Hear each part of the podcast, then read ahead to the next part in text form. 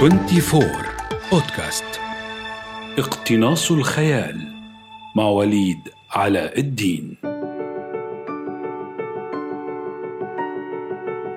يقول باولو كويلو والترجمة لراضي النماصي لكل شخص على هذا الكوكب قصة واحدة جيدة على الأقل ليخبر بها جاره. فيا جيراني الأعزاء اسمحوا لي أن أكمل قصتي حتى ننجح معا في اجتياز عتبة الصمت إلى فضاء الكتابة. هذا بودكاست اقتناص الخيال من 24 ومعكم وليد علاء الدين. عرفنا أن أبي بطريقة أو بأخرى كان الناجي الوحيد في بلدة الصم والبكم. بعد أن أفلت من براثن المترصدين بكل ذي سمع ولسان فاستحق لقب المحظوظ ولكن كيف تم ذلك؟ وكيف أصبحت أنا الأسعد ابن المحظوظ؟ في الواقع يبدو لي الآن أن هذا الجيل من أجدادي كانوا أغبياء إلى حد كبير إضافة إلى فقدانهم حاستي السمع والنطق أو ربما بسبب ذلك. لقد كانت إجابة السؤال الذي أخافهم واضحة تماما وليست في حاجة إلى تفكير طويل أو حتى قصير. فما الذي يخشاه متكلم ناطق وسط بلدة كلها من الصم؟ كان عليهم أن يركزوا في إيجاد طرق يفلت بها صغارهم من عمليات تعطيل حاسة السمع ثم يركزون على تدريب أبنائهم منذ نعومة أظفارهم على التشبه بالجميع إلى أن تتاح لهم فرصة نجاة. أن تدعي الخرس وسط قوم من الصم والبكم أمر ممكن. سيظن الناس ببساطة أنك مثلهم. وأقول كما قال بصير المعرة ولما رأيت الصمت في الناس فاشيا تباكمت حتى قيل إني أبكم. وهذا ما نجح أبي المحظوظ في فهمه حين بلغ سنا تسمح له بإدراك ميزته التي حرص أبوه الثائر القديم على أن يبقيها سرا ويلقن ولده كل مهارات أن يكون أبكم أخرس أصم من دون أن يكون كذلك.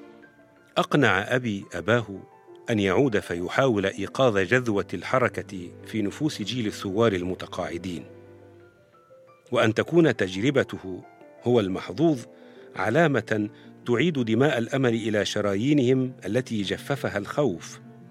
لكن جدي خشي أن يثير نجاحه غيره العاجزين فيفرغ أحدهم نقمته في الانتقام من أبي وجدي. وقال جدي لابنه وهو يعظه دعنا نكتفي من الفكرة بالأمل في التطوير الرأسي. يقصد أن يحتفظ الولد بقدرته على السمع والنطق وأن يطبق الأمر على نسله ويراقب نجاح التجربة. وهو عمل وصفه بالعظيم في ظل ما يحيق بالتجربة من مخاطر وأهوال. وهو ما اقتنع به أبي وكان محدثكم الثمرة الأولى لتجربة التطوير الرأسي. كنت إذن المحظوظ الثاني في التجربة الكلية. ولكن أبي تجنبا لتكرار حكايات الأباطرة الذين يورثون أسماءهم وعروشهم لأبنائهم قرر بدلا من تسميتي بالمحظوظ الثاني أن يسميني الأسعد. كما دفعه إلى ذلك اعتقاده بأنني بنجاح خطته التي هي خطة أبيه امتلكت كل مقومات السعادة لسانا ينطق واذنا تسمع وقدرة على فهم لغة القوم المغلقين. فصرت منهم ولكنني أفوقهم مهارة وقدرة. كما نجح أبي بدهاء في تمكيني من معرفة العالم الواسع خارج حدود بلدتنا حين اشترى لي منصب سفير فوق العادة أمثل بلدتي في بقية بلدات وقرى العالم بعد أن أنفق نظير هذا المنصب كل ما ورث من عائلته وما ادخر وما امتلك في حياته. سافرت ورأيت العالم ورغم المغريات المذهلة التي صادفتني لم أسقط لحسن تدريب أبي لي ولو لمرة واحدة في فخ يكشف عدم انتمائي إلى عالم بلدتي المغلق على ناسه من الصم والبكم. هذا عن سر السعادة وسبب اللقب. رحل أبي وتركني لما ظن فيه سعادتي. لكنه لم يدرك أنه وضعني في أزمة كبرى. أحب هؤلاء الناس وأريد أن أنقل لهم ما أسمعه من حكايات في العالم وأن أشاركهم ما يدور في خيالي من أفكار. ربما يستفيدون ربما يستمتعون ربما يحصلون على تسلية ربما يتحررون من هذه الورطة التي صارت بحكم العادة طبيعية. ربما تتغير أفكارهم فيتركون لأبنائهم متعة السمع والنطق أن تسمع أصواتا كثيرة وتؤلف أفكارا يمكنك التعبير عنها. هذا ما أردت لقومي أن يتذوقوا لذته. أدرك تماما أن الحياة قصيرة ولن يمكنني الانتظار إلى أن ينشأ جيل قادر على السمع من أبناء بلدتي. ووجدت الحل في تحويل ما أسمع من العالم وما يدور في خيالي من أفكار إلى منتج مادي يمكن لأهلي إدراكه بحاسة أخرى غير السمع الذي فقدوه ويمكن حفظه وتداوله فتستفيد منه الأجيال. إنها الكتابة بلا شك ولكن يا لها من مهمة صعبة. أما التفكير فسهل إنه مجرد سباحة في بحر الخيال الخاص بلا رقيب ولا حسيب ولا جهد مطلوب لتحويل شيء إلى شيء. الخيال حلو وجميل وجذاب وكذلك الكلام سهل وإن كان أصعب بكثير من الخيال.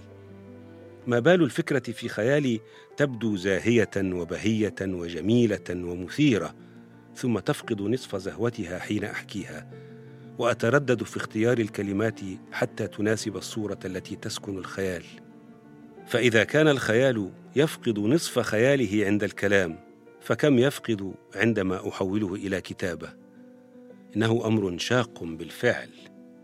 إنه أمر شاق بالفعل. شاق إلى درجة تجعلني أفكر في اعتزال الكتابة وأكتفي بالخيال وأعود لأجلس قرب أهلي من الصم والبكم مستمتعا بحياة الصمت الجميل. ولكن ما المتعة في صمت خال حتى من التخيل؟ لست راضيا عن أفعالهم. قلق بداخلي يأكلني ويدفعني نحو التفكير. يصعب علي أن أتخيل نفسي صامتا. عندي مهمة أشعر أنها مسؤوليتي. لا مفر من الكتابة إذن.